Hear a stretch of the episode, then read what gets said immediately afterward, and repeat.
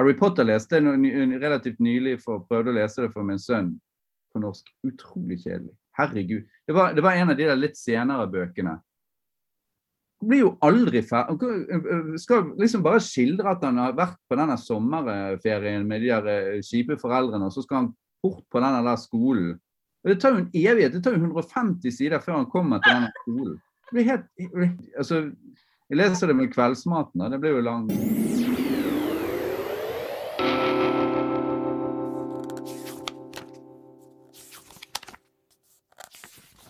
Ja, velkommen, eh, kjære lytter, kjære bokvenn, medborger, medmenneske. Og god morgen. Klokken er ti over ni, og vi er på Zoom. Vi har med oss Frode Helmik Pedersen, litteraturkritiker og litteraturforsker. Velkommen til deg. Takk. Vi har med oss Thea Baugstø, bibliotekar og kritiker. Velkommen til deg. Tusen takk. Vi har med oss Eirin A. Betten, journalist, forfatter, kritiker, essayist og fjellvandrer. Hei, hei. Jeg heter Jonas Meyer, og vi skal snakke om eh, forrige utgave av Blad. Og den handlet om barndom, men den handlet også om Hamsun-debatten i og med Ståle Dingstads utgivelse. Så vi skal komme tilbake til det. Men først, selvfølgelig, kjære bokvenner, hva leser dere for tiden? Som vanlig har vi puttet denne delen av episoden helt til slutt. Så du kan eh, enten høre gjennom hele og glede deg til å finne ut hva folk leser for tiden. Eller du kan eh, dra dit med en gang. Dette var en fotnote. Hilsen Bokvennen litterær avis sin podkast, også kalt Bladpodden. Ok. Skal vi starte med dagens tema? Vi har en todelt eh, tematikk. Både eh, barndom, ungdom og leseinntrykk fra tidlig, eh, tidlig i livet, men også Hamsun-debatten, som ble aktualisert igjen nå nylig av Dingstads, Ståle Dingstads eh, utgivelse om Hamsun og holocaust. Og han kom med en, en del ganske mm, skal vi si, bombastiske konklusjoner, men også Vi kan jo heller gi ordet til deg, Frode. Du har skrevet om denne boken. Og Ja. hva er dine, mm, dine synspunkter der? Ja, altså Det første synspunktet, det er jo at, eh, at eh, Dingstad gjør en viktig dokumentasjonsjobb eh, som bør gjøres og må gjøres.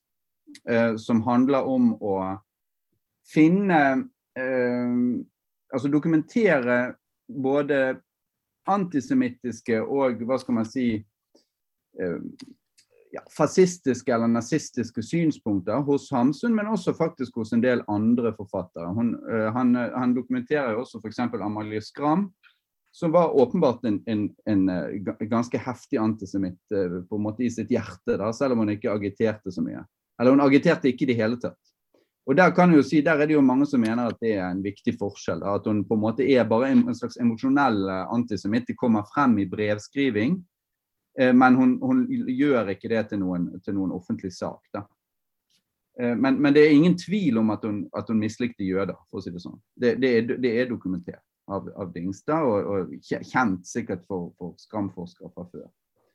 Um, og, og Hamsun likeledes, selvfølgelig Hamsuns antisemittisme eh, er kjent. eh, og hans eh, nazisme var ikke bare kjent, men det var jo et nasjonalt traume. eh, og diskutert eh, inngående selvfølgelig i veldig lenge. Men Dingstad utvider dette og, og setter det i en kontekst. Og alt det der er helt greit, syns jeg. Eh, og og det, bør, eh, det bør gjøres. Det som er problemet, er at Dingstad nøyer seg ikke med å dokumentere det Hamsun har sagt, og på en måte få alt det på plass. Han skal lage et anklageskrift mot Hamsun, og det er det jeg har eh, protestert mot. Jeg syns ikke, ikke det er nødvendig, og jeg syns ikke det fungerer heller i, i, som bok. Jeg syns, eh, han kunne holdt seg til den det dokumentariske. Når jeg sier anklageskrift, så betyr det at han skal lage altså For det første så gjør han jo Hamsun på en måte som egentlig ikke er dokumentert i det hele tatt. Han gjør han moralsk medskyldig til det norske holocaust. Sant? Og det kan man argumentere for, og sånn, men det er, noe, det er ikke noen klar link der. Han har ikke noe dokument, han har ikke noen smoking gun i det hele tatt. Sant? Sånn at han har en sånn parallell historie med en jødisk familie som, eh, som da ble drept i Auschwitz. Og så har han Hamsun som har vært nabo da, med denne familien eh, nede i eh, Larvik. Og eh, det er ikke noe kontakt mellom de, og, og, det er klart man kan hevde at, at når en forfatter som Hamsun, med, med hans på en måte pondus, at han, at han støtter NS eh, At han på en eller annen slags måte er ansvarlig, men han er ikke noe mer ansvarlig enn vi visste fra før, der, for å si det sånn. Eh, det er det ene. Og det andre er, det andre er jo det å gjøre den der anklagevinklingen til en slags lesenøkkel for romanene. Det mener jeg er helt forfeilet. altså.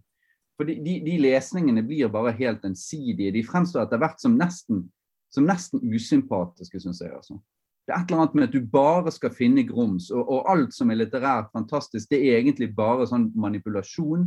Og, og, og det som er egentlig er hele tiden dette her, for, denne forferdelige menneskefiendtlige agendaen. Det er ingen Hamsun-leser som kjenner seg igjen i det der. Jeg, jeg, kan nesten ikke fatte som, hva, hvorfor han har villet det. der. Særlig fordi han har holdt på med Hamsun så lenge selv, og må jo ha, må jo ha likt Hamsun. Så, så jeg, jeg, syns at, jeg syns at rett og slett kort fortalt at han går altfor langt. Og blir rett og slett borderline litteraturfiendtlig. Ja. Du skriver at uh, gode tolkninger forutsetter at fortolkeren har glede av sin gjenstand. Ja. Det heter jo filologi. Sant? Altså, kjærlighet. Det, ja, det er jo kjærlighet til ordet. sant? Og, og, og det er jo ingen litteraturforskere som sitter og holder på i 20 år med, med bøker de hater. Hva, hva, i alle dager skulle være vitsen med det? Du, du, velger jo det ting som du liker, og da får du gode tolkninger. Selvfølgelig skal du være kritisk og sånn innimellom. Det er ikke det. Men hvis du, hvis du bare liksom mener at dette her er, er, er, skal henges ut til spott og spe, så blir det ikke Altså det, det, blir, det kan du gjøre som litteraturkritiker i korte tekster men ikke, ikke, som litteraturforsker over 500 sider, eller hva det er. Eh, det blir ikke god Altså, jeg, jeg mener det at det blir eh, Nei, det, det, det blir ikke gode lesninger av det, nei. Det er, eh, dokumentasjonen støtter du, men eh, når det går over til tolkning og, og som le, altså, lesenøkkel og som å forstå hele forfatterskapet, så blir det for mye. Ja, ja da blir det jeg må innrømme, jeg ble ganske overrasket da jeg leste den uh, Dingstads bok og så Det var mye mer antisemittisme enn jeg hadde trodd. Enn, eller enn det jeg gikk rundt og trodde. Jeg trodde ja. jeg kjente Hamsun ganske godt. Enig. Og, så det var, det var viktig. Ja, det var ganske øyeåpne, som det heter. Mm. Helt enig i det. Mm. Ja, Thea Eirin, hva, hvor står dere i Hamsun-debatten? Hvem skal starte? Um, jeg, jeg, vil si jeg er veldig enig med Frode. Jeg vil, hvis, det, hvis Frode er, hvis vi lar Frode stå for, uh, for, ene, for denne perspektivet her. Um, men uh, som lærer så har jeg jo også, jeg er veldig, jeg har stussa mye over, over, det her. fordi at det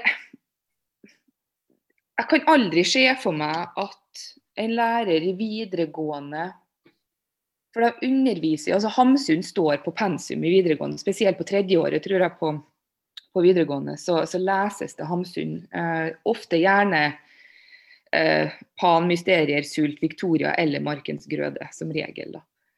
Og jeg har det, ingen, Jeg kan ikke se for meg at det finnes norsklærere i det landet her som underviser i de verkene uten å, gå, uten å ha den diskusjonen her. Um, om, om Hamsuns uh, antisemittisme, om hans um, altså, fascistiske, nazistiske overbevisninger. Um, ha sin rolle i, um, i norsk politikk i denne tida. Og, og Derfor så overrasker meg altså Dingstad sine, sine argumentasjoner, da, at en nå skal Som om det perspektivet ikke er belyst fra før av, for det er det jo. Det er jo de, uh, du kan selvfølgelig lese, og det tror jeg også, kanskje vi skal, altså lese i hvert fall de verkene fra 1890-tallet uten at de behøver nødvendigvis lese det i et, i et antisemittistisk lys. Um, men enhver ungdom som leser Hamsun, eller får, får lov til å Der Hamsun blir en del av undervisninga på videregående, er veldig klar over hva Hamsun sto for. Og, og, og leser det ikke nødvendigvis bare i lys av det, men en, altså, har en større forståelse for, for både tidligere og eldre verk av Hamsun. Hvordan takler elevene dine um, Hamsun som nazist, da? Har du noe Nei, jeg underviser jo ikke i norsk. Men jeg har jo diskutert det her med, oh, ja, okay. med, med norsklærere på, på, yeah. På, videregående. Pluss jeg har nå sjøl vært blitt undervist i Hamsun på videregående, og det her var jo en del altså Hamsun sin politiske overbevisninger var jo en del av pensum.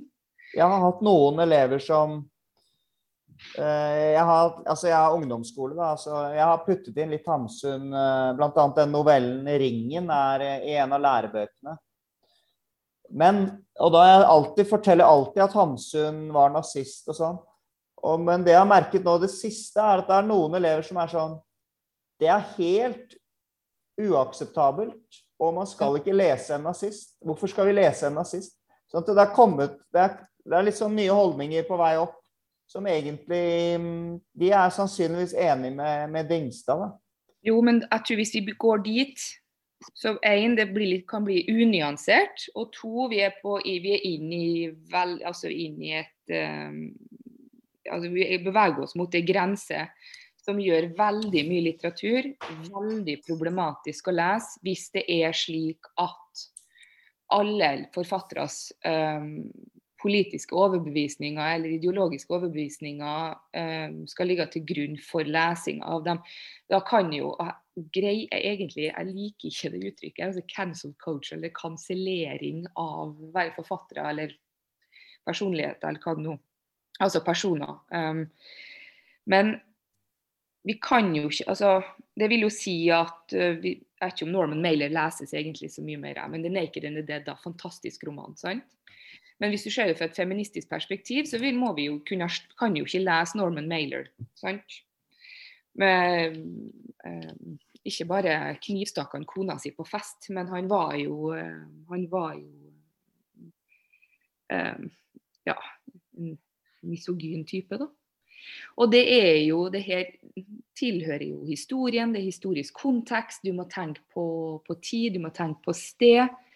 Og, og hvis videregående elever har lyst til å si at nei, det er uakseptabelt å lese Hamsun fordi han var nazist, så må jo det være, være deres rett. Men jeg tror vi går, vil, vi går glipp av, um, av, som Frode òg sier, at uh, altså litteraturen og som kommer fram i Frode sin tekst, da, er jo at Hamsuns verk i seg sjøl er så det er så god litteratur at vi kan jo ikke la være å lese det. Um, og um, så det er jo mye, ja, ja, det er mye litteratur en vil gå glipp av hvis, det, hvis en skal uh, sette uh, alle forfattere, så skal la forfattere stå til at, ja uansett. Mm, Thea, videre. Jeg, jeg er veldig grunnleggende enig med dere. Jeg skulle ønske jeg var litt mer uenig, bare for uh, diskusjonens skyld. Men jeg syns det er veldig interessant at du sier Jonas, at de, uh, de ungdomsskoleelevene dine spør hvorfor skal vi lese han når han var nazist. For jeg tenker jo at i utgangspunktet så er ikke det uh, det er ikke et så dumt spørsmål. Jeg tror at du som lærer og altså på en måte den profesjonelle lesestanden har jo da har et ansvar for å svare på det spørsmålet for å nettopp si for å nettopp gå inn på hvorfor det likevel er viktig, da. Um, at tidligere så har jo ikke det vært et spørsmål som har blitt stilt. Det har vært litt sånn selvfølgelig skal vi det. Uh, men å på en måte måtte gå inn på litt sånn hva er det ved litteraturen som har verdi, um, uavhengig av, eller kanskje til og med til tross for uh, forfatterens uh, ideologiske overbevisninger. Og og jeg tror jo også, og jeg er jo helt enig med deg, Frode, i at eh, i at eh, altså, gode tolkninger forutsetter at fortolkeren har glede av sin gjenstand. Men samtidig så er det jo, ikke minst kanskje for ungdom, da, ganske kan være fruktbart å se etter, eh, å se etter disse tingene i verk. Um, så jeg tror jo jeg, jeg, tror jeg er ganske positiv til at sånne spørsmål kanskje stilles i større grad enn før. Da. Selv om jeg også syns det er en skummel utvikling i samtiden at eh, hvis det betyr, hvis konsekvensen er at vi da ikke leser det, selvfølgelig. Ja. ja altså Det der med, med, glede av sin gjenstand eh, Det er klart at det fins ideologikritiske tolkninger og alt sånt. Det er greit nok, det, hadde, det, hadde, det, det trenger vi, det må vi ha innimellom. Men det er ikke ideologikritiske lesninger av verk er ikke typisk lesninger som får deg til å på en måte innse den litterære verdien til disse verkene. Ideologikritiske lesninger er ofte nettopp for å ta Men, men, men gjerne da for å, altså for å ta en form for i, i, ikke ba, ofte ikke bare i det verket, men i hele den kulturen dette verket springer ut av. Det, det, må, det må, skje innimellom og sånn. Men det er ikke der vi, ikke der vi skjønner hva, som, hva, dette verket egentlig betyr, hva som er, egentlig er på ferde i det når, det når, vi snakker om så, så gode verk som hos Hamsun. Så, så, det er det som er poenget mitt. Så, så alt, alt, er i og for seg lov, men er ikke, det, man, man, er ikke forpliktet til å like det. Men sant, altså, Dingstad er selvfølgelig sin fulle rett til å gjøre akkurat som han vil med Hamsun. Men når det gjelder da, uh, dette med uh, hva barna, hadde jeg sagt, elevene, skal, eh, skal, få vite, så er det jo faktisk litt sånn nå at den første si, den første generasjonen nå av, av de eh, hva skal man si, de, de, de, studentene som er vokst opp med denne type innstilling, for det er jo ganske nylig, fire-fem år, såkalt kulturkrigene har virkelig kommet til, til Norge. Da er det jo da er det en et problem Det er fint at man kan diskutere sånne ting, men det er samtidig et problem hvis man går inn i tradisjonen med et sånt fiendtlig blikk og en sånn form for selvgodhet på vegne av vår egen tid. Det, stenger av for veldig mye nysgjerrighet. Og det er en grunnleggende misforståelse at du går til litteraturen for å møte liksom, vakre og fine holdninger. Det er, ikke, det er ikke sånn. Litteraturen skal lære deg om menneskelivet. Den skal uh, lære deg å gjenkjenne uheldige tendenser i ditt eget sinn. Du, du, du, må så å si øve deg på å være menneske gjennom å lese litteraturen. Eh, og, og, det gjelder, da må du Du kan ikke bare tro det at, at, at hele liksom, den humanistiske tradisjonen er antirasistisk, og, og, og, at masse, altså at det, vi skal bare bevare sånne fine tanker. For da mister du veldig mye av det selv også. Så, så, for det, du har ikke bare fine tanker. Og du har ikke bare gode holdninger, du har masse dritt. Eh, og det må, det må frem, altså. Og, det må du lære deg å kjenne igjen. Og, og, det betyr ikke at du må akseptere det. Du må gjerne, du må gjerne bekjempe det av alle krefter i ditt eget sinn og ellers. Men du kan ikke late som om vi, vi lever i en annen verden enn vi lever i. Den, eh, den tanken om at, eh, som du sier, da, at alle mennesker har også van, mye dritt dårlige holdninger, den er interessant. For den, det er ofte den som kan bli litt borte, særlig i sosiale medier, hvor man da skal vise fram eh, den gode holdningene man har. Man ville jo aldri funnet på å skrive en eh, Facebook-post hvor man forteller om sin rasisme eller sin transfobi. Altså, noen gjør jo det, selvfølgelig. Men hvis man da mener man er et godt menneske og tilhører noenlunde en progressiv retning, eller progressiv En del av den progressive bevegelsen, så, man, så er dette noe litt sånn skambelagt. Eh, disse vanskelige eh, kanskje gale holdningene. Men de kan man da møte i litteraturen, sier du, og på en eller annen måte kjempe med det der.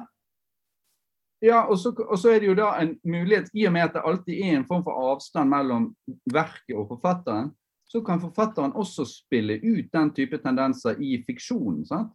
La en karakter ha de holdningene da, som han selv kanskje, han eller hun selv kanskje, kanskje kjenner på. Ja. Eh, og da, da, blir det jo, da blir det jo, kan vi jo diskutere det, og, få, og da blir på en måte litteraturen en arena for erkjennelse av oss selv og av samtiden. Sånn som den egentlig alltid har vært. Eh, Istedenfor å bli en arena for dydssignalisering og, og sånn. Så, så, men den som gjorde det da litt, var jo Knausgård. Altså, ikke med, så mye med rasisme og transfobi, men mot, mot kvinner der særlig. Altså Hans på en måte behov for en, en, en viss type maskulinitet og sånn, spilte han jo ut eh, til en viss grad. Og fikk jo en god del kritikk for det. Men han hadde jo det problemet at han nettopp ikke hadde noen differanse mellom seg selv og boken. Eh, så det var jo den der virkelighetslitteraturen. De ba jo om trøbbel. Jeg vil bare plukke opp litt det du sier, Jonas, med dere sosiale medier og godhet, og at det da dannes en slags um, en, en, moralisme i, i samfunnet, da, eller en, en, felles forståelse for hva som er godt og ondt. og det um, og hvor folk ikke vil erkjenne sin, som Frode sier, da, at vi har alle disse stygge tankene som vi har da, eller de stygge overbevisningene. Men for der er jo sosiale medier, det vil jeg påstå, av ulikt slag her, da. Um, virkelig arenaen for å la, for å lufte det skittentøyet. På veldig, altså, på veldig mange ikke, Det er ikke bare Twitter eller en Facebook-post eller eh, noe Instagram, eh, altså noen Instagram-bilder. Men du har jo andre typer forum som 4chan og 8chan og Reddit-poster osv. osv. Og, um, Instagram kan jo, kan jo, brukes til så mangt. Det ble jo valgt inn en et kongressmedlem i USA nå i det siste valget som har stilt opp til flere. Har vært i Tyskland og besøkt øh, øh, altså, Bevandra seg gjennom Hitlers historie da, i Tyskland og, og poste det her på sosiale medier osv. Så videre, så sånn det er jo hva en anser som, som øh, moralistisk korrekt da, og go godt i samfunnet i dag, og hva som er de riktige holdningene, det er jo eh, forholdsvis individuelt. og Det er jo det sosiale medier gjør, fordi at det skaper rom for at du kan finne eh, grupper hvor den godhet, det du anser som riktig, da blir akseptert. Um, så det du kanskje tenker på som, som, godt og som godhet, er jo nødvendigvis ikke det. Og da uh, tilbake litt nå til den virkelighetslitteraturen og det vi har snakka om nå i siste, er jo har jo vært en bevegelse i USA i ganske lang tid med tanke på hva en kan lese av litterære verk, eller hva som skal stå på pensumlitteraturen på universitetene i USA. Uh, eh, og den, det starta vel uh, Det er vel en, i hvert fall en ti-tolv år, den debatten her. Men altså såkalte trigger warnings på litteraturen. Fordi at hvis du leser viss litteratur, f.eks. Edward St. Aubyn, den første boka i den Patrick Melrose-bøkene, Melrose så er det jo en ganske ubehagelig eh, scene eh, hvor eh, en faren til, til, Patrick da, forgriper seg på sin fem år eh, gamle sønn. Altså det, her er det godt, incest godt beskrevet. Og det er jo noen som ville ha kalt mener det burde hatt, altså være en såkalt trigger warning i bok. da. Um, nå går vi jo litt vekk fra selve Hamsun-debatten her, men, men, eh, men, hva litteratur skal være. Og det å få lufta um, skittentøyet på ulikt sett og vis, er jo litteratur, altså, Litteraturen er jo en arena for det, da, og så skal jo leseren få lov til å, um, å komme ut uh, etter den lesinga få lov til å, å, gjøre seg opp en mening om, eh, om, hva som er riktig og galt i denne, i denne settingen. Da. Liten fun fact. Mm. Jeg så en gang, og jeg husker ikke hvor, det var en eller annen undersøkelse um, som viste at altså, Den var jo amerikansk, da, og der er det jo eh, altså, verdisyn som spriker mm. voldsomt. Men av det som alle var enige om var ekstremt moralsk forkastelig, uavhengig av hvor man befant seg, eh, det var utroskap. Som er jo ironisk, siden det er sikkert det veldig mange også er skyldige i.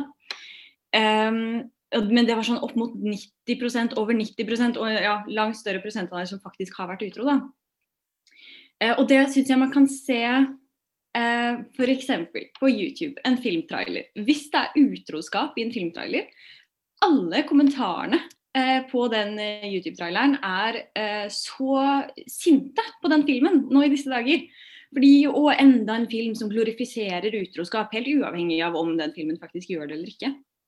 Eh, og det er liksom, Man kan se litt det samme, litt sånn samme tendenser i eh, filmer som handler om Nå går jeg over til film, da. Som handler om eh, barns seksualitet. Fordi du umiddelbart vris mot seksualisering av barn. Og der også er det en sånn um, Der også er det en veldig sånn universell fordømmelse.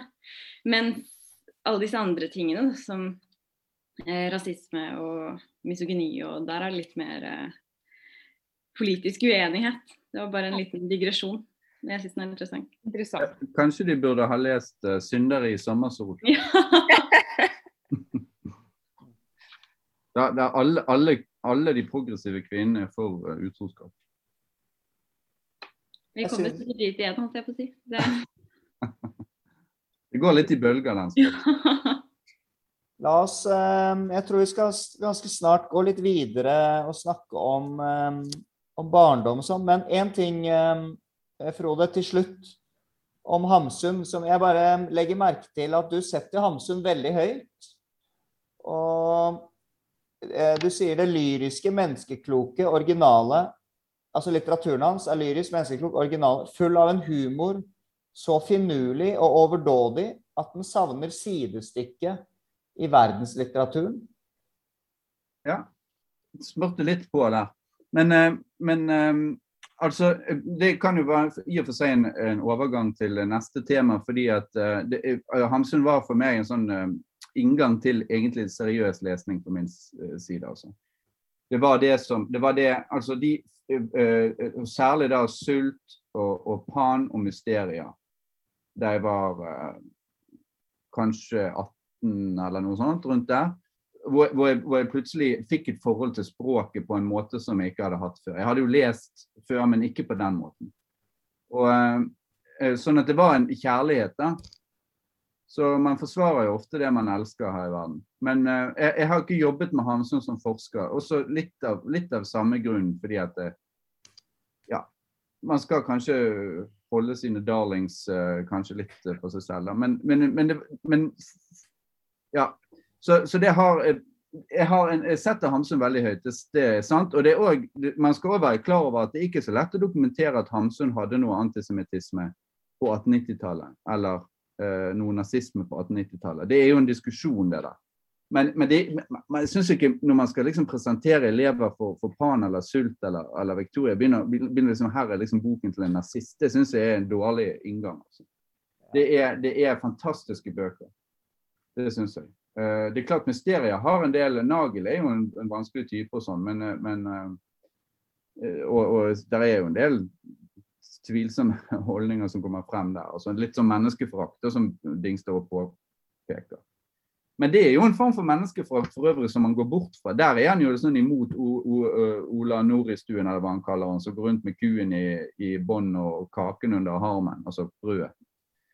Eh, og, og det, er jo, det er jo nettopp den type nordmann som man begynner å dyrke senere.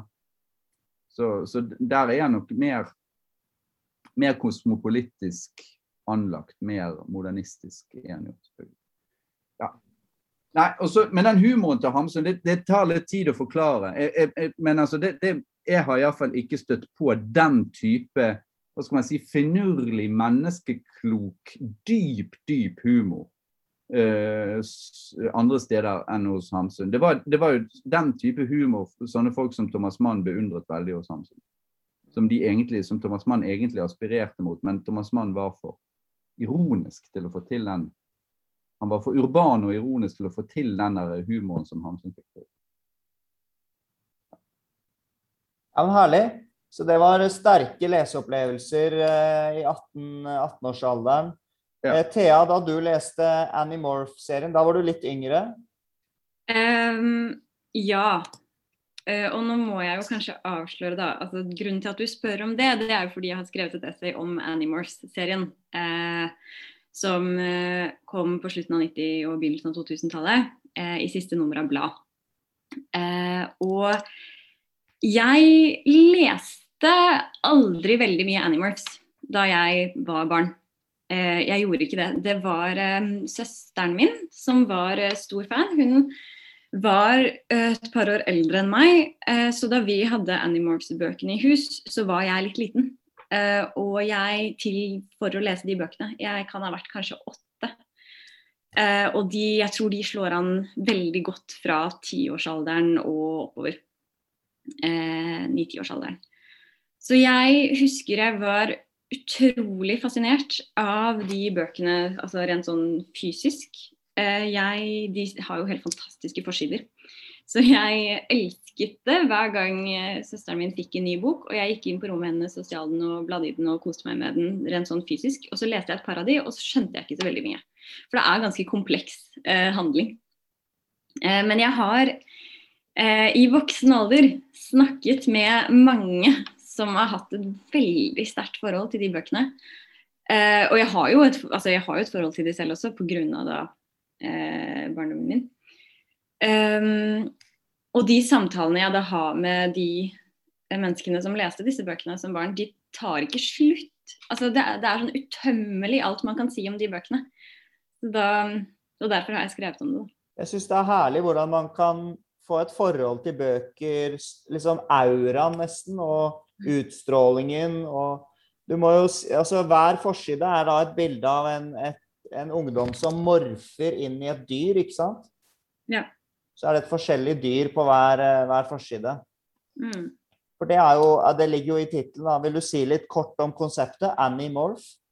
Eh, ja, det handler om eh, Det handler om fem ungdommer. De går på high school. Som i første bok De møter hverandre tilfeldig på vei hjem fra skolen. Går over en eh, tom byggeplass, eller en forlatt byggeplass, eller parkeringsplass, eller hva det er. Og så eh, ser de da det de umiddelbart gjenkjenner som en flygende tallerken. Eh, den krasjlander foran dem. Ut kommer et romvesen, eh, en andalitt, som viser seg å hete prins Elfangor. Eh, og han forteller dem det her skjer på de første 30, altså 20-30 sidene. Han forteller dem jorden holder på å invaderes av onde, sneglelignende romvesen som skal ta seg inn i folks hjerner eh, og kontrollere kroppene deres. Og det er egentlig for sent. Men han gir disse ungdommene da en evne som kan hjelpe dem med å ta opp kampen mot romvesenet, som da kalles gjerker. Og det er evnen til å morfe til dyr. Et hvilket som helst dyr. altså De kan morfe til alle dyr i hele verden så lenge de får tatt på det dyret. Eh, og så eh, kan de da være i den dyremorfen i opptil to timer. Hvis de er i morfen i mer enn to timer, så eh, blir de stuck. De blir fanget i den eh, dyrekroppen for alltid. Så det er konseptet. Og så er resten av de 54 bøkene er eh, historien om denne krigen. Og om ungdommer som eh, i stadig vekk inntar nye dyrekropper. Og det blir altså så brutalt. Eh, det er eh, altså Denne krigen, da, den får jo mange, mange ofre. Eh, de må kjempe mot sine egne familiemedlemmer. De er fullstendig alene, disse ungdommene. Det er du har, lest, eh, du har lest det opp nå i voksen alder? Eller? Jeg har lest meg opp i voksen alder i forbindelse med å skrive den teksten. Jeg har ikke lest alle 54 bøkene. Det har jeg ikke. Jeg har snakket med folk som har gjort det. Um, og det jeg også oppdaget da jeg skulle skrive dette, var jo at um, Altså, det er jo Altså, jeg argumenterer jo ganske Jeg argumenterer jo for et um, For at de ha, har kvalitet, da, de bøkene. Men jeg merker jo at som voksen så er det tungt å lese bøker som er skrevet på den måten. Så, med, altså, et, så Det er veldig muntlig, det er veldig hakket litt av det språket. Eh, så det jeg oppdaget, var at, eh, var at eh, jeg måtte høre de på lydbok på engelsk. Eh, da var det mye lettere, og da ble det veldig fortellende. Da slapp jeg på en måte å forholde meg til det litt sånn språklige som kanskje skurrer litt, for, for, som nok vil skurre for mange voksne lesere. Ja. Ja. ja for dette er noe annet enn uh, Hamsun og Ja. her, her er det noe annet på spill. ja. Ja, men der kan man jo spørre seg altså nå, Ut fra sånn det høres ut, da. Altså eh, si, en litt sånn spekulativ eh, inngraving i all slags eh, vold og faenskap. Eh, det er jo like, altså etter mitt syn minst like umoralsk som, eh, som at, å lese liksom, forfattere med, med, dårlige holdninger. Så jeg vil nå heller anbefale folk å lese Hamsun og Ovid. Kan du minne, det kan jo minne litt om Ovid, da. Forvandlingene. Åh, jeg vet ikke om jeg vil gå med for at det er spekulativt. Jeg tror heller, Det er jo heller um... ja, Som dreper sin egen mor og sånn. Altså. Ja, men De dreper jo ikke sin egen mor, men det er jo en, det er jo en grad Drepe sin egen mor, det er jo klass, det er et klassisk motiv. Ja, altså, ja, men, men sant. Du skjønner hva jeg mener det er, jo, det er, jo, en historie om en krig, og så tar de bøkene de tar konsekvensen av krigen veldig på alvor. Så de blir etter hvert veldig herdet. Da. Hun ene av de ungdommene blir jo veldig psykopat etter hvert. Og det er jo aldri fremstilt som, eh, som om det er bra, men det er mer som en sånn nødvendig sånn ja. Dette er det som skjer når du lever i en sånn historie. Jo, men, men ikke, det, ikke dette et, eh, et kommersielt produkt? Eh, jo da. Det er det også. Mm. Mm. Så det er jo ikke um, Er det umoralsk? Altså det, ville på en måte, det er nettopp det, da. Uh, det er så Det ville aldri falt meg inn å på en måte i det hele tatt vurdere er det umoralsk. Det er um, det, eh, Jeg tenker jo nei. Jeg tenker at de bøkene de har de tar fram noen ganske komplekse etiske problemstillinger. Og så tvinger de da barne- og ungdomsleserne til å ta ekstremt vanskelige spørsmål om hvem har rett til å leve. Um, for eksempel da, uh, innover seg. Og jeg har jo snakket med uh, jeg har jo snakket med noen som har da, som, som barn leser disse spørsmålene, som beskriver ekstremt sterke leseropplevelser av, eh, av noen av disse situasjonene som skrives opp, da, hvor de da må stille seg selv Ja, det er jo på en måte spørsmål som eh, er det moralsk riktig å innta andre veseners kropper? Eh, og i så fall Ja, altså dere ler, men jeg tror ikke dere ingen, Jeg regner med at ingen av dere har lest Animorphs. Nei, jeg har ikke det, men, men, hvordan kan du stille det altså, hvordan kan du stille det spørsmålet? Det, jo, det lar seg jo ikke gjøre. Så... Hva mener du i virkeligheten, liksom? Ja, for det her er jo Jo, altså Um, det er jo OK, la meg si det sånn, da. Når jeg sier 'inn til andre veseners kropper'. Um, dere, dere, må, dere, må, gå litt med på, på konseptet. Ja, det skjønner jeg. Dere må akseptere premissene. Ja, ja.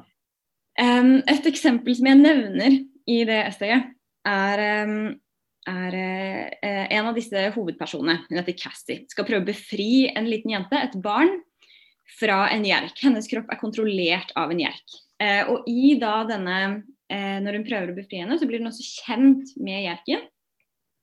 Eh, og jerken stiller henne spørsmålet eh, Hvorfor ville du levd resten av livet ditt som en liten eh, Som en snegle. Uten kropp, uten mulighet til å på en måte Ja, uten de samme eh, uten de samme muligheten til å utfolde deg, da, ville du gjort det? For det er hennes det er på en måte konsekvensen av hennes naturlige kropp, den jerke sneglekroppen. Um, og Cassie, på en måte for å befri den jenta, så sier hun at ja, så hun morfer til en larve og bestemmer seg for å bli i den larvekroppen. Så hun tar det valget at ja, hun vil heller leve som en snegle. Så det er jo noe med sånn Hvilke liv er verdt å leve, da? Hva, eh, hva er et verdifullt liv? det er jo, Som voksen så er det lett å le av det, men jeg tror at som tiåring eh, å faktisk vurdere ville jeg tatt konsekvensene av det. Hvilket liv syns jeg det er verdt å leve? Jeg tror det er utrolig stort. Jeg tror det er bra. Ja. Jeg, synes, jeg ble også ganske eh, fengslet når du skildret han som het Tobias. Som eh, bryter den totimersgrensen og ender da opp med å bli en hauk. Ja. Eh, det syns jeg Det traff meg faktisk. Og så, og så trakk du linjer da til transbevegelsen og det å være fanget i en, i en kropp uh, som du ikke um, kjenner deg igjen i. Så. Men, jeg, men uh, jeg syns det var mye spennende her på gang. Men litt synd at språket ikke var så godt. Da, for da kunne det jo vært en virkelig en komplett uh, serie. Ja, så, men altså sånn nei, nei, nei, nei. For det er jo noe med det er noe med å ta det for det det er. Ja, ja, ja. Det er jo enig, enig. kommersialisert. Ja. Det var ikke eh, meningen. Jeg vil gjerne trekke tilbake det, fordi jeg, jeg vil også slå et slag for det plottdrevne iblant. og, og sånn, men, men språket, lyst... det må jeg si. det må Jeg si. Jeg sier ja, språket er ikke så bra, men det er jo fordi jeg ser etter helt andre ting i språk nå. Et litterært språk. Men, det er veldig meddrivende, det språket. Men, så det funker. Nå er det viktig her at Frode i sted, det gikk vi glipp av. Frode fikk et anfall av moralisme. Og, og dette var veldig interessant. Frode eh, altså fordømte på moralsk grunnlag Animorph-serien. Ja, men hør. Eh, altså, eh, det, jeg har aldri ment at moral ikke har noe med litteratur å gjøre. Men, men, moral er en komplisert ting. Med en gang du begynner å anklage noen, så er du selv i moralsk faresone. Moral slår alle veier hele tiden. Det fins ikke noe uangripelig eh, ståsted i det hele tatt. En sånn situasjon hvor Altså, det som jeg eh, altså jeg, jeg, jeg, mener jo da at en, en bok, en eh, roman f.eks., den må ha en viss integritet. Uh, og den integriteten er til dels Det har jo med etos å gjøre i retorikken. Sant? Den har en form for verdighet, en form for uh, autoritet som den får gjennom språket sitt, gjennom konteksten den er skrevet innenfor og, og sånn.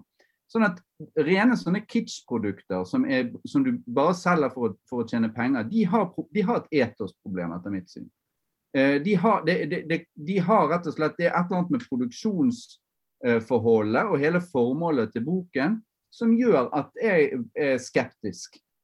Eh, og særlig hvis det blir veldig mye vold, og særlig hvis de da driver og pirrer sånne negative tendenser i vårt eget sinn som jeg snakket om tidligere. Sånn som f.eks. Jo Nesbø gjør. Mye krim driver på med. De pirrer samtidig som de later som de fordømmer. De fordømmer samtidig som de pirrer. Sant? De spekulerer i å pirre eh, eh, eh, kjipe tendenser i oss, samtidig som de later som de er skinnhellige og dobbeltmoralske. Det mener jeg er mye verre. Eh, jeg vet ikke om det gjelder hun Annie Morphs. Morphs? Annie Morphs. Ja. Ja, ja, så det, det, vet jeg ikke. Men det gjelder jo for mye av denne type litteratur. da. Så, så um, så, så um, jeg mener at det er fullt mulig å angripe en roman f.eks. For, for å være umoralsk, hvis du bedømmer helhet. Men du må tenke deg godt om før du gjør det. For det å pirre det, å pirre det lave sånn, hva, hva er det som er um, hvis, ja, hvis du fråtser, ja, altså hvis du fråtser i f.eks. seksualisert vold, samtidig som du på et overfladisk plan eh, sier 'Å, se for forferdelig dette er', og så mm. driver du og pirrer hele tiden. Det er jo helt totalt useriøst. Altså, jeg er absolutt ikke uenig i det du sier nå, Frode. Det tenker jeg er et veldig viktig perspektiv. Um, det som jeg tenker er litt spesielt for barne- og ungdomslitteratur, det er at når um, Hvis vold skrives, skrives fram, da, og det er jo en del vold i barne- og ungdomslitteratur, så er det sjelden veldig spekulativt. Uh, det er sjelden fråtsing. Min erfaring med uh, altså barn hva barn liker å lese, er at barn ofte blir veldig eh, fascinert av um, av uh, når, no, når, noe overrasker dem. Når noe kommer litt sånn sjokkerende på. Og barn er ofte vant til at litteratur er litt oppdragende. Eh, så når f.eks. jeg har lest høyt for barn, Eh, og så ender det med, og så er det en liten skrekkhistorie, ikke spesielt lang, og så ender det med at f.eks. begge hovedpersonene dør plutselig. Og så syns barn det er helt De blir helt satt ut. De blir helt sånn Hele verdenen bare eh, eh, snus på hodet, for det så de ikke komme. Og da får de en veldig sånn skjellsettende opplevelse. Mm.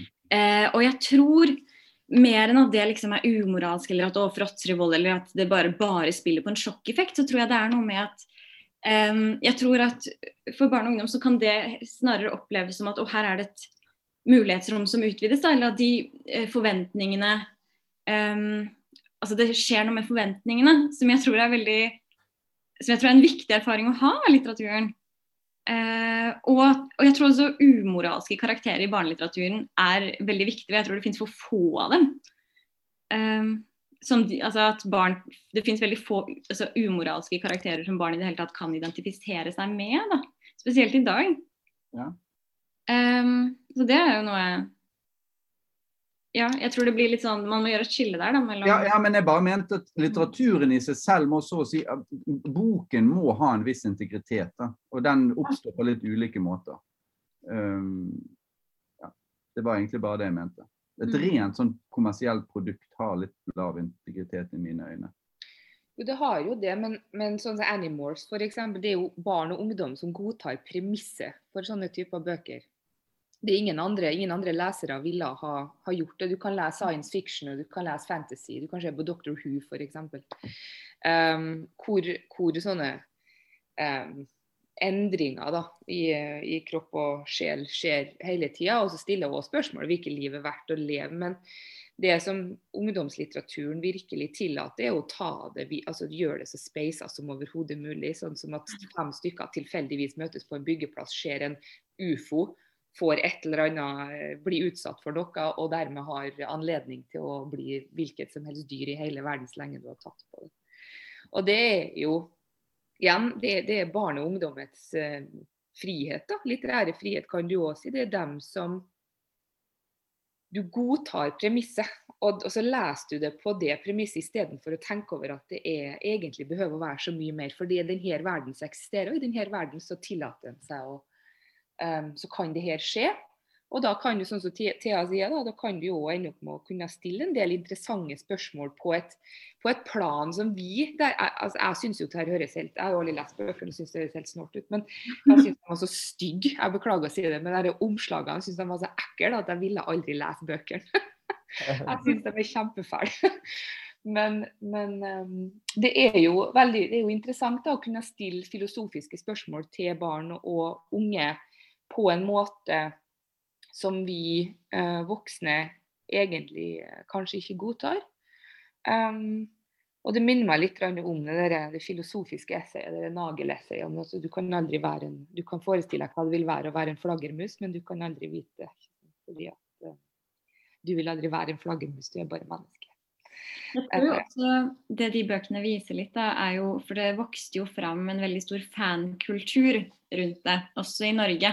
Det var jo dem og grøsserne. Det var jo dem to. Ja, det var dem og grøsserne, men eh, det var en fankultur rundt Animals-bøkene i mye større grad. Gyldendal opprettet en egen nettside, Gjesteboka, hvor eh, lesere da i ganske forskjellig alder, altså fra små barn til relativt store ungdommer, diskuterte eh, diskuterte bøkene, diskuterte plottet, de skrev fanfiction. De eh, gikk inn i nettopp de etiske problemstillingene. Og jeg tror at eh, Og det er jo en sånn ting som ofte, som ofte latterliggjøres. Eh, altså fankultur på internett. Men eh, jeg tror at som inngang til å tenke kritisk rundt litteratur, så er det helt uvurderlig. Altså jeg tror virkelig det har en kjempestor verdi som en sånn første som sånn første møte med å bli liksom Man er oppslukt av noe, og man må, man må utforske det å være oppslukt. Um, så ja. Ja, jeg er helt enig i det, selvfølgelig. Men alt, der kommer jo alt an på hvor, hvorvidt bøkene er gode. Og jeg, og jeg, må jo bare si også at når det gjelder sånne ting med å, å akseptere Jeg aksepterer alt, jeg. Men de, de, må få, de må få det til.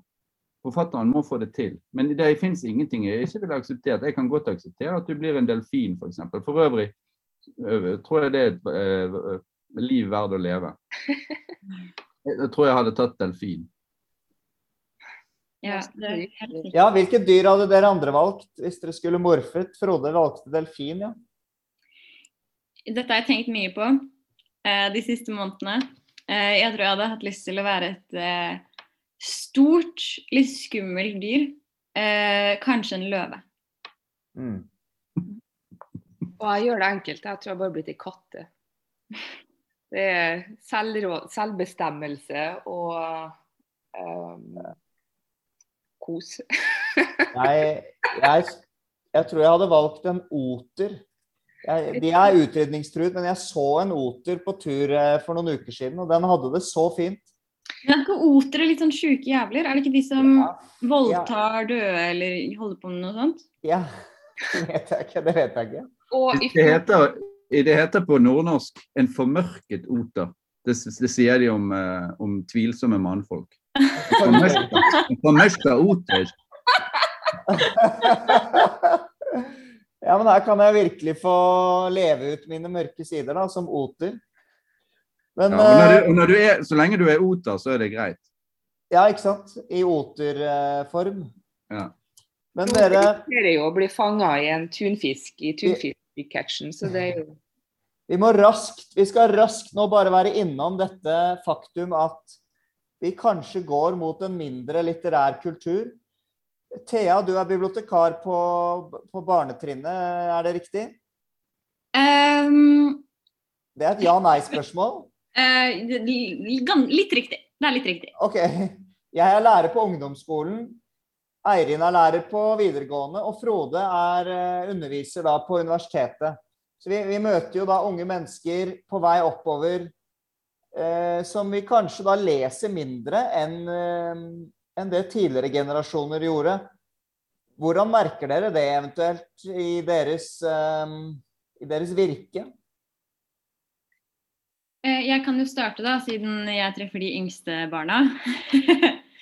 Ehm, jeg har tenkt over at ehm, jeg tror Altså det, er jo, det har jo blitt satt fokus på også, da, at eh, det som ble regnet som lettleste bøker for 20 år siden, det er ikke lettleste bøker i dag. Det har for vanskelige ord. Og det kan jeg se litt. Ehm, jeg kan også Men og nå sammenligner jeg litt med meg selv, da, fordi jeg eh, var vel akkurat ferdig med lettlesbøker for 20 år siden.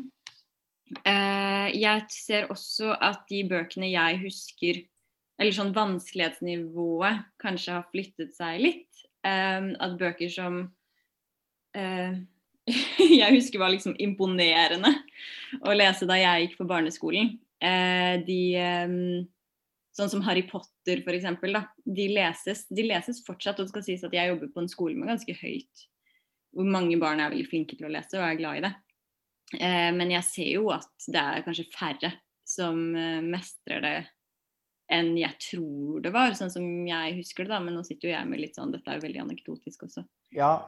Eh, og så er det mange, mange, mange som eh, opp, opp til ganske ja, og gjennom hele barneskolen, eh, opp til syvende trinn, ikke har lyst til å lese bøker uten bilder.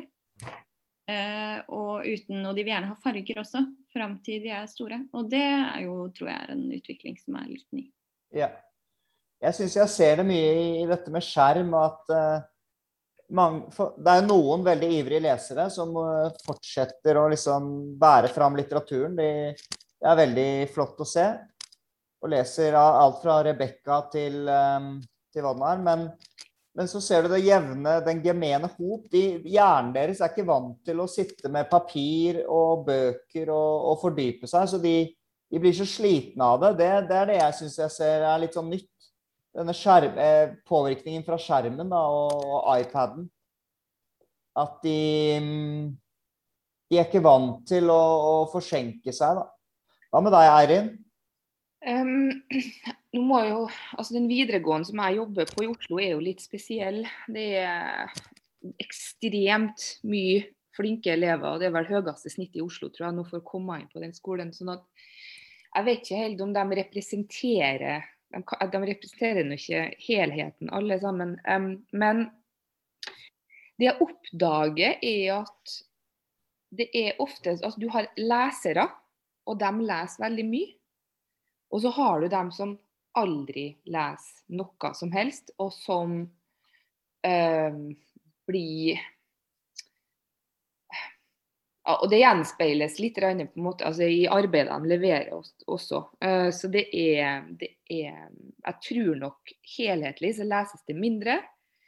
Eh, og som du er inne på òg, at hvordan de leser, altså konsentrasjonen, det å legge seg ned eller sitte i en stol eller bare ligge på senga eller sofaen og bare lese i to til tre timer, det det tror jeg det er vanskelig å få gjennomført. Men jeg jobber veldig mye med at det skal leses mer. Og vi har veldig mye diskusjoner rundt skjermbruk i timene mine. Og vi har gjort store eksperimenter der vi har kutta ut de, de mest brukte appene app-ene f.eks. i løpet av ei uke eller to, og det resultatet er blitt at flere elever aldri har reintrodusert de appene på telefonen sin fordi at de har oppdaga at det løses opp masse tid som de får brukt til andre ting. Altså, vi har hele tida en konstruktiv debatt rundt det her, og så har vi en bibliotekar på skolen min som er helt fantastisk.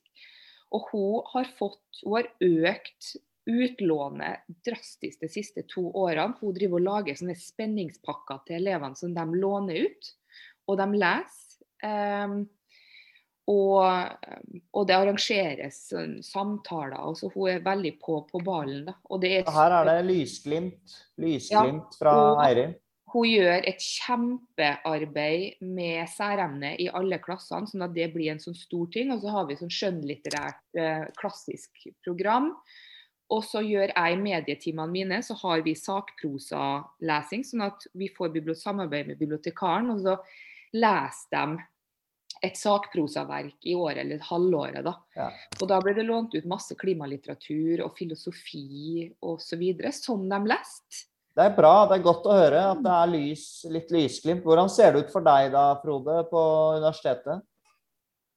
Ja, altså, jeg kan, jeg kan, vel ikke akkurat si at studentene er blitt veldig mye dårligere, eller noe sånt. Men, eh, men det er klart at, eh, at det, det er, jeg har inntrykk av at de har lest mye mindre når de kommer. Det er ingen tvil om. Og på Skrivekunstakademiet så har jeg flere eksempler på at de sier det selv. De beklager det. Vi har nesten ikke lest noen ting og vi skal begynne å være forfattere. Så sier jeg det, det går ikke. Eh, det, du må lese for å kunne skrive, for det er sånn, det er sånn man lærer seg håndverket. Og, ja. så, så det er ingen tvil om at det, det, er ingen tvil om for meg at, eh, at altså det, det, er jo, det, er jo, ikke noe eh, å diskutere engang. Altså det at skjermene tar mye av tid som ellers kunne gått til lesning, det, det, er jo helt åpenbart. Og at de ikke holder på med, de leser ikke romaner når de holder på med skjermene sine. Eh, I veldig liten grad iallfall.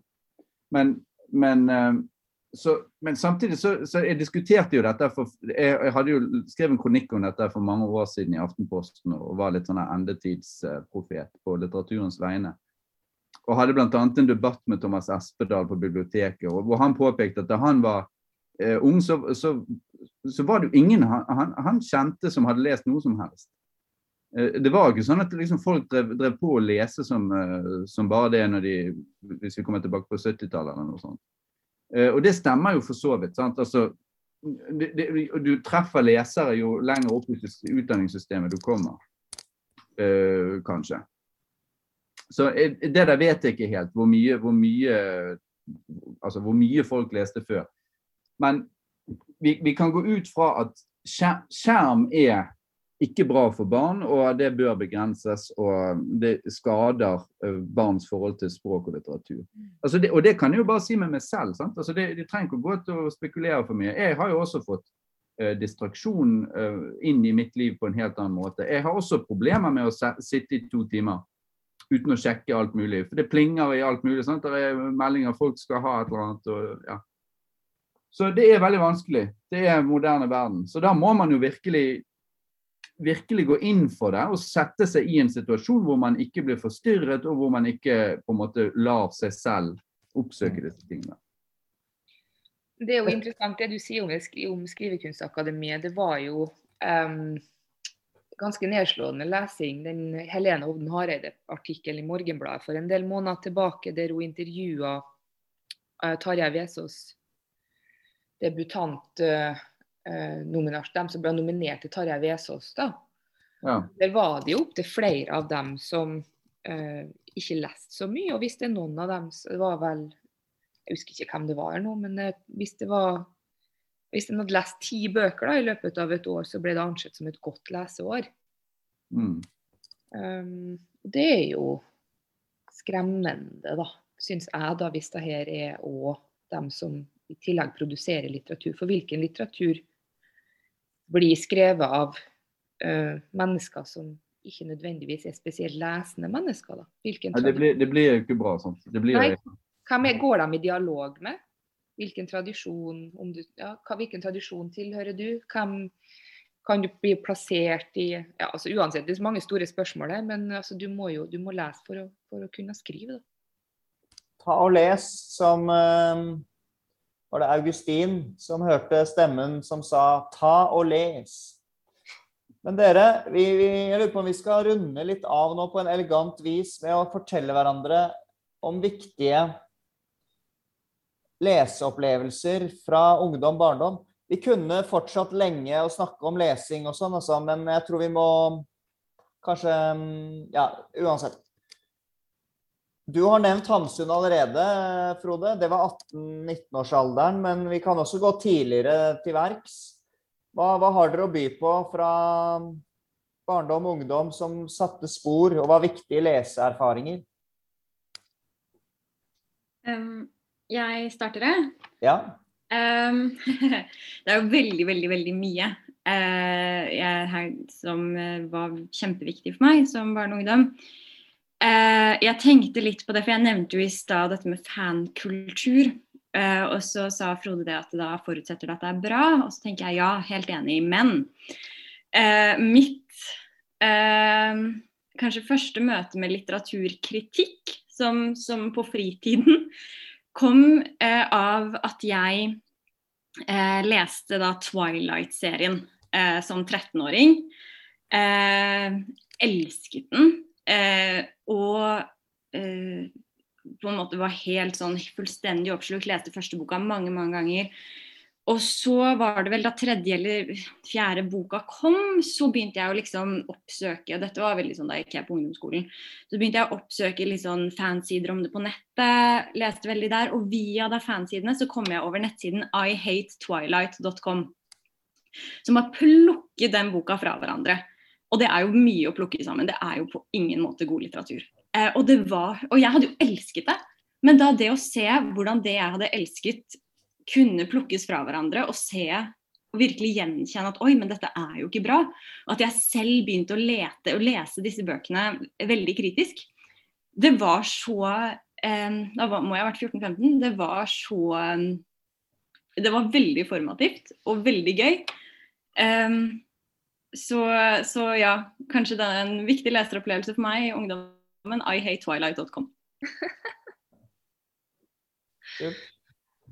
Um, det er så masse når du skal begynne å tenke barndomstid og ungdom. Men um, jeg kan trekke fram 'Mio min Mio' av Astrid Lindgren. Sikkert fordi den er så fæl. Den er helt forferdelig. Grusom bok. um, og den er så mørk.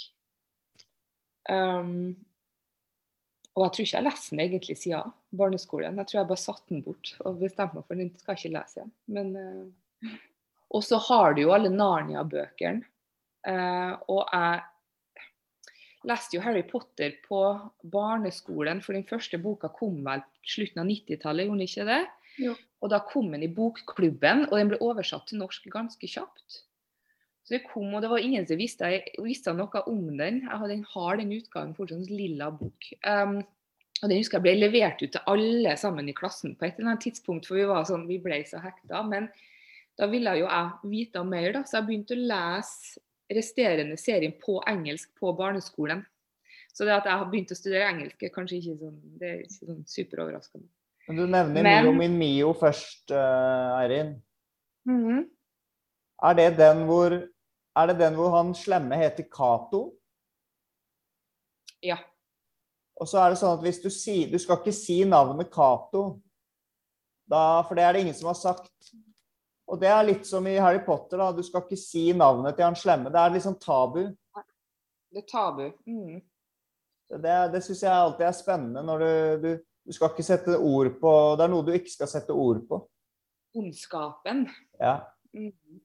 Og så vil jeg si fra ungdomsskolen da, Jeg har tenkt veldig mye på det her. Skal du komme med enda en? Jeg kommer med ei til, for okay. det her er kanskje en av de største opplevelsene. Um, fordi Jeg hadde en sånn, jeg snakka faktisk med mamma om det for ikke altfor lenge siden. For jeg trodde egentlig ikke at jeg leste så masse på barneskolen, ungdomsskolen og videregående som jeg gjorde. Men um, når jeg, jeg tror jeg måtte ha vært 14 kanskje, så leste jeg 'Beatles' av Lars Saabye Christensen for aller første gang. Og den, Jeg er jo ikke alene i at det er en, en stor opplevelse, men det var Det var så stort at jeg leste den boka én til to ganger i året, sikkert i hvert fall åtte-ni år i etterkant. Grei, og det er fortsatt uh, greit. Det, jeg griner, og det er, det er bare masse følelser involvert. Og det er helt forferdelig, for det er det første møtet hvor du skjønner hva som skjer når du går fra å være ungdom til det å bli voksen, og hvor grusomt det kan være, men allikevel hvor, hvor fint da, det kan være. Og det, å, det å, å, gå i hver sin retning og på en måte skjønne at uh, forventningene du har, uh, det er ja, en Livet lever ikke opp til, til dine forventninger. Så starter det jo ut med at de driver og springer og rapper sånne bilmerker av bilene, og så ender det jo opp med, med galehus og, og, narkotika. Så det er, det er noen store, noen store hopp. Da. All right. Frode, til slutt. Uh, hadde du mer Hadde ja. du an... Ja? Ja, nei, jeg, jeg, hadde, uh, jeg, leste jo på en måte useriøst uh, mange, lenge, og det var jo deilig tid. Um, og da leste jeg jeg vil trekke frem Skattøya, eller uh, Treasure Island, av uh, Robert Louis Stevenson. Den leste jeg vel om hver sommer omtrent, i en sånn GGG-utgave. En sånn norsk, litt sånn forkortet for gutter. Ja. Guttebøker.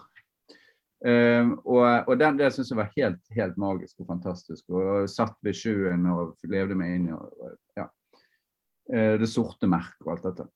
Uh, og, og, og, var fascinert av over, rett og slett. Uh, med god grunn, fordi det er en fascinerende kultur. Uh, og så, så, drev jeg på med disse her Jeg vet ikke om dere har hørt om Hulebjørns klan. Gene M. Aall. De, de, de, drev jeg på med. Det var jo en slags sånn seksuell oppvåkning. Det var jo veldig mye sånn huleboersex der. med jondaler, med store velutstyrte jondaler. og litt sånn neandertalere var med. Og, ja, så det, det, holdt jeg på med og var veldig fascinert av. Ja, all slags sånne guttebøker og sånn. Men så, så leste jeg Jeg leste faktisk også Beatles, hadde en veldig stor opplevelse med den, men jeg leste den kun én gang. da. Eh, og så, og så, liksom den terskelen inn i mer seriøs lesing, det var Kafka, det var eh, prosessen, og så var det sult. Og da, Det var på slutten av gymnastiden. Så det, det, var på en måte, da kom en sånn gradvis inn i, inn i det som var eh, bedre. da. Harry Potter leste jeg relativt nylig, for prøvde å lese det for min sønn på norsk. Utrolig kjedelig. Herregud. Det var, det var en av de der litt senere bøkene. Han blir jo aldri ferdig.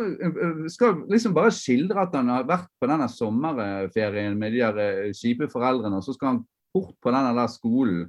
Og Det tar jo en evighet. Det tar jo 150 sider før han kommer til denne skolen. Det blir helt Altså, jeg leser det med kveldsmaten, og det blir jo lang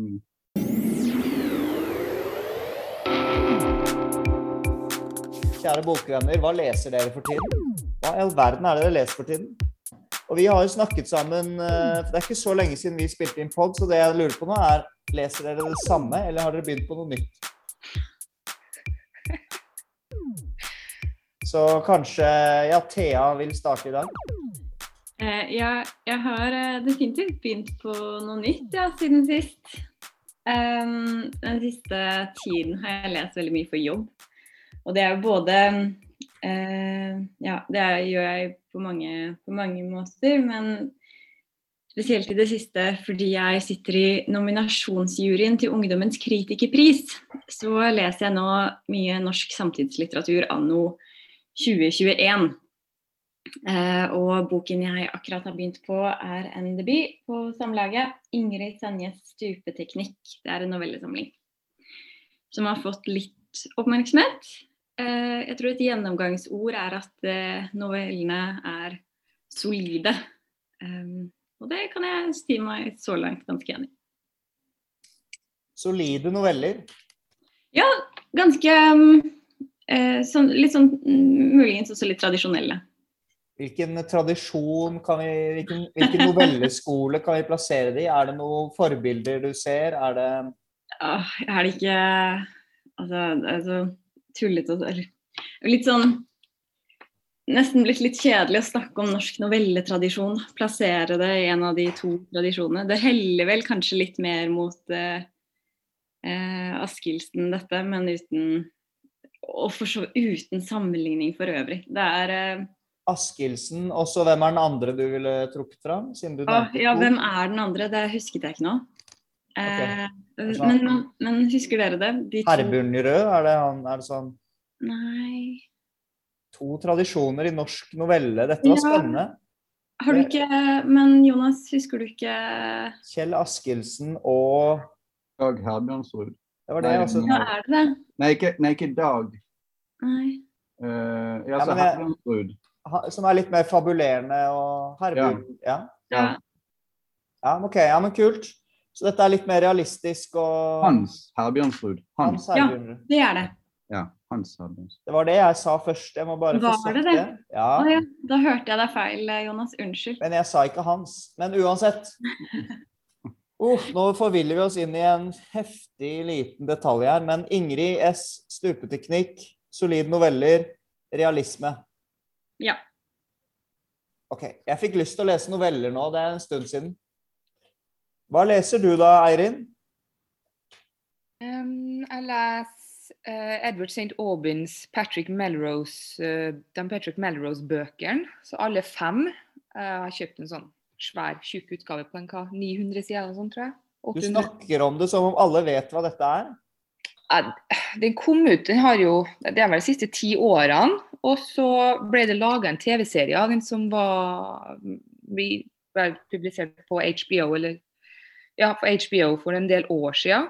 Eh, den har fått ganske masse oppmerksomhet, for den er Det handler om Den er jo krysnings... Eller altså, hva skal vi kalle det for noe? Det er jeg vil ikke bruke ordet virkelighetslitteratur, men, men eh, det er vel en fiksjonalisert versjon av hans, eh, delvis hans liv. da. Og, og eh, oppveksten hans prega av altså I boka da, så er det Patrick som er hovedpersonen i boka. Vokser opp med alkoholisert mor og en far som begår overgrep på han. og det her fører jo til et veldig problematisk forhold til dem to åpenbart. Og det tar han inn i, inn i eh, Altså Han blir rusmisbruker sjøl, og så skal han komme ut av det. Så er jeg bare på bok nummer to, da, men jeg har jo sett serien, selvfølgelig. Så jeg, har litt, sånn- jeg vet litt hvordan det her ender. Ja. Og så eh, leser jeg en del bøker om eh, kunstig intelligens for tida. Jeg har tatt ferie, så her er det bare å gjøre Bare ligge på sofaen og lese det jeg vil. Eh, og Iris Murdochs 'The Sea, The Sea'. Mm. Mm. Veldig artig bok. Jeg trodde ikke den skulle være humoristisk, men det er den jo. Det er jo, det er jo stor humor. Klarer du å lese liggende? Ja. Du sovner ikke? Nei. Nei. Nei. Gjør du? Det varierer. Ofte midt på dagen, hvis jeg leser liggende, så sovner jeg. Men eh, på natten så kan jeg ligge lenge og lese, så det er, eh, det er merkelig, det der. Ja. Ok, ja, det var mye forskjellig. mm. Ja, Frode. Hva i all verden leser du for tiden? Ja, altså, jeg tenkte jeg skulle ta det som, jeg leser, som lystlesning. For jeg Ja, det, leser det, det er alltid, alltid ved yrkesøyemed, og så er det lystlesningen. Ja. Ja, fordi, fordi jeg må jo hele tiden lese alt mulig. Men, eh, men eh, Så den som jeg leser på, på hytten Jeg har, en på, jeg har to nattbord. Et på hytten og ett hjemme. Og på hytten der ligger Daphne du Maurier. Oh, Husker dere henne? Eh, hun eh, Rebekka. Jepp. Jeg leser Rebekka, rett og slett. Eh, 1938. En slags gotisk kjærlighetshistorie med en meget eh, formidabel husholders, husholderske, som er Mrs. Dan Danvers. Som er da eh, en slags nemesis for Rebekka fra første stund, når hun kommer til Mandalay. Som er dette godset som hun da gifter seg inn i. Eh, og der må hun konkurrere med den avdøde tidligere fru de Winter, som, eh, som da hadde et nært forhold til denne husholdersken, Mrs. Danvers. Eller Miss Danvers, det husker jeg ikke. Ja, så det, eh, den, og det er jo den, Rebekka er jo selvfølgelig berømt for filmatiseringen til Hitchcock, som kom ganske raskt etter, faktisk bare et par år. Etter eh, bokens utgivelse i 1938. 1940 kom den. Det som er litt morsomt med det der, altså den begynner jo i Monaco. Og der, det der overklasselivet i mellomkrigstiden, det har alltid fascinert meg. Det er det samme som man møter i, i, hos Agatha Christie. Hvor De hele tiden drar på sånne utrolig vidløftige turer rundt omkring i Midtøsten. og De lever sånne overklasseliv. Og så er de jo mellom to katastrofer, sant? første og andre verdenskrig. Det, det føles så skjørt da, på en eller annen slags måte, det der overklasselivet, men det er veldig sånn luksuriøst. Det fremstår som en sånn merkelig drøm uh, som, som er litt fascinert. Ja, og så var det hjemme, ja. Hjemme der har jeg rett og slett begynt på Sigurd Hoels 'Syndere i sommersol'. For å, for å, se hvordan de diskuterte ekteskapsinstitusjonen på 20-tallet. Det var jo friske, friske fraspark eh, fra Særlig kvinnene i den boken er jo opptatt av den frie kjærlighet. Så de tar opp tråden på mange måter etter Hans Jæger, som jeg har holdt litt på med før. Så jeg lurte rett og slett litt på det, det, det der kjønnsideologiske, eller det skal vi si, sex og samliv i, eh, på 1920-tallet. Hvor sto man? Da hadde jo, det som, det som er, eh, er, den store nyheten der, er jo psykoanalysen. Og det er det Sigurd Hoel er opptatt av, og det er det disse her karakterene hans er opptatt av. Um, og, og, og, kvinnene de vil altså vekk fra monogamiet. Iallfall de mest si, progressive av de som er med i den boken. Evelyn. Så og, ja. Hmm. Så det er mellomkrigstid i både hytte og, hytte og hjem? Faktisk. faktisk. Men, men i, i, Sigurd Hoel så er det litt artig at han skriver, skriver 'vi etter, etterkrigsgenerasjonen', kaller han det. han skulle bare visst. Mm. Ja, det er morsomt det derre hvis, hvis, man hadde reist i tidsmaskin, og så fikk man vite ja, den første verdenskrig hva? Mm. Første? Hva mener du med det?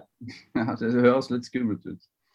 Men, uh, men den derre Rebekka Jeg bare en liten sånn digresjon, fordi jeg er jo ungdomsskolelærer og, og har blitt gjort oppmerksom på at det fins en sånn eh, bevegelse på TikTok som heter Book, BookTok.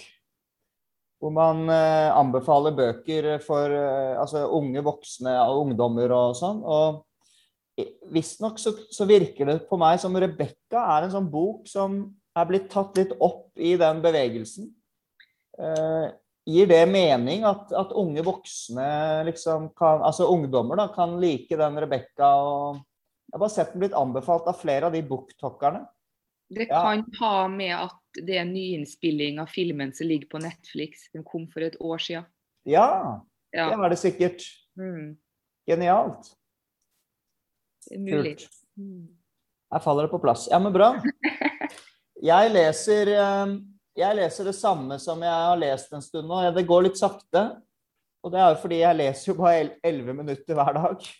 Resten går jo til skjerm. Men eh, det er Iliaden av Homer. Oversatt Peder Østby. Eh, fantastisk. Det er en sann glede å jobbe seg gjennom den i litt rolig tempo. Det, og faktisk eh, bli overrasket over at er det det det handler om? Er det dette som er på spill? Um, man har jo lest den, Jeg har jo studert litteraturvitenskap og sånn, og, og, har lest den der. Men der får man jo bare noen kapittel, eller noen utdrag, sanger. Det å lese den i sin helhet, eh, det er en, virkelig en, en glede.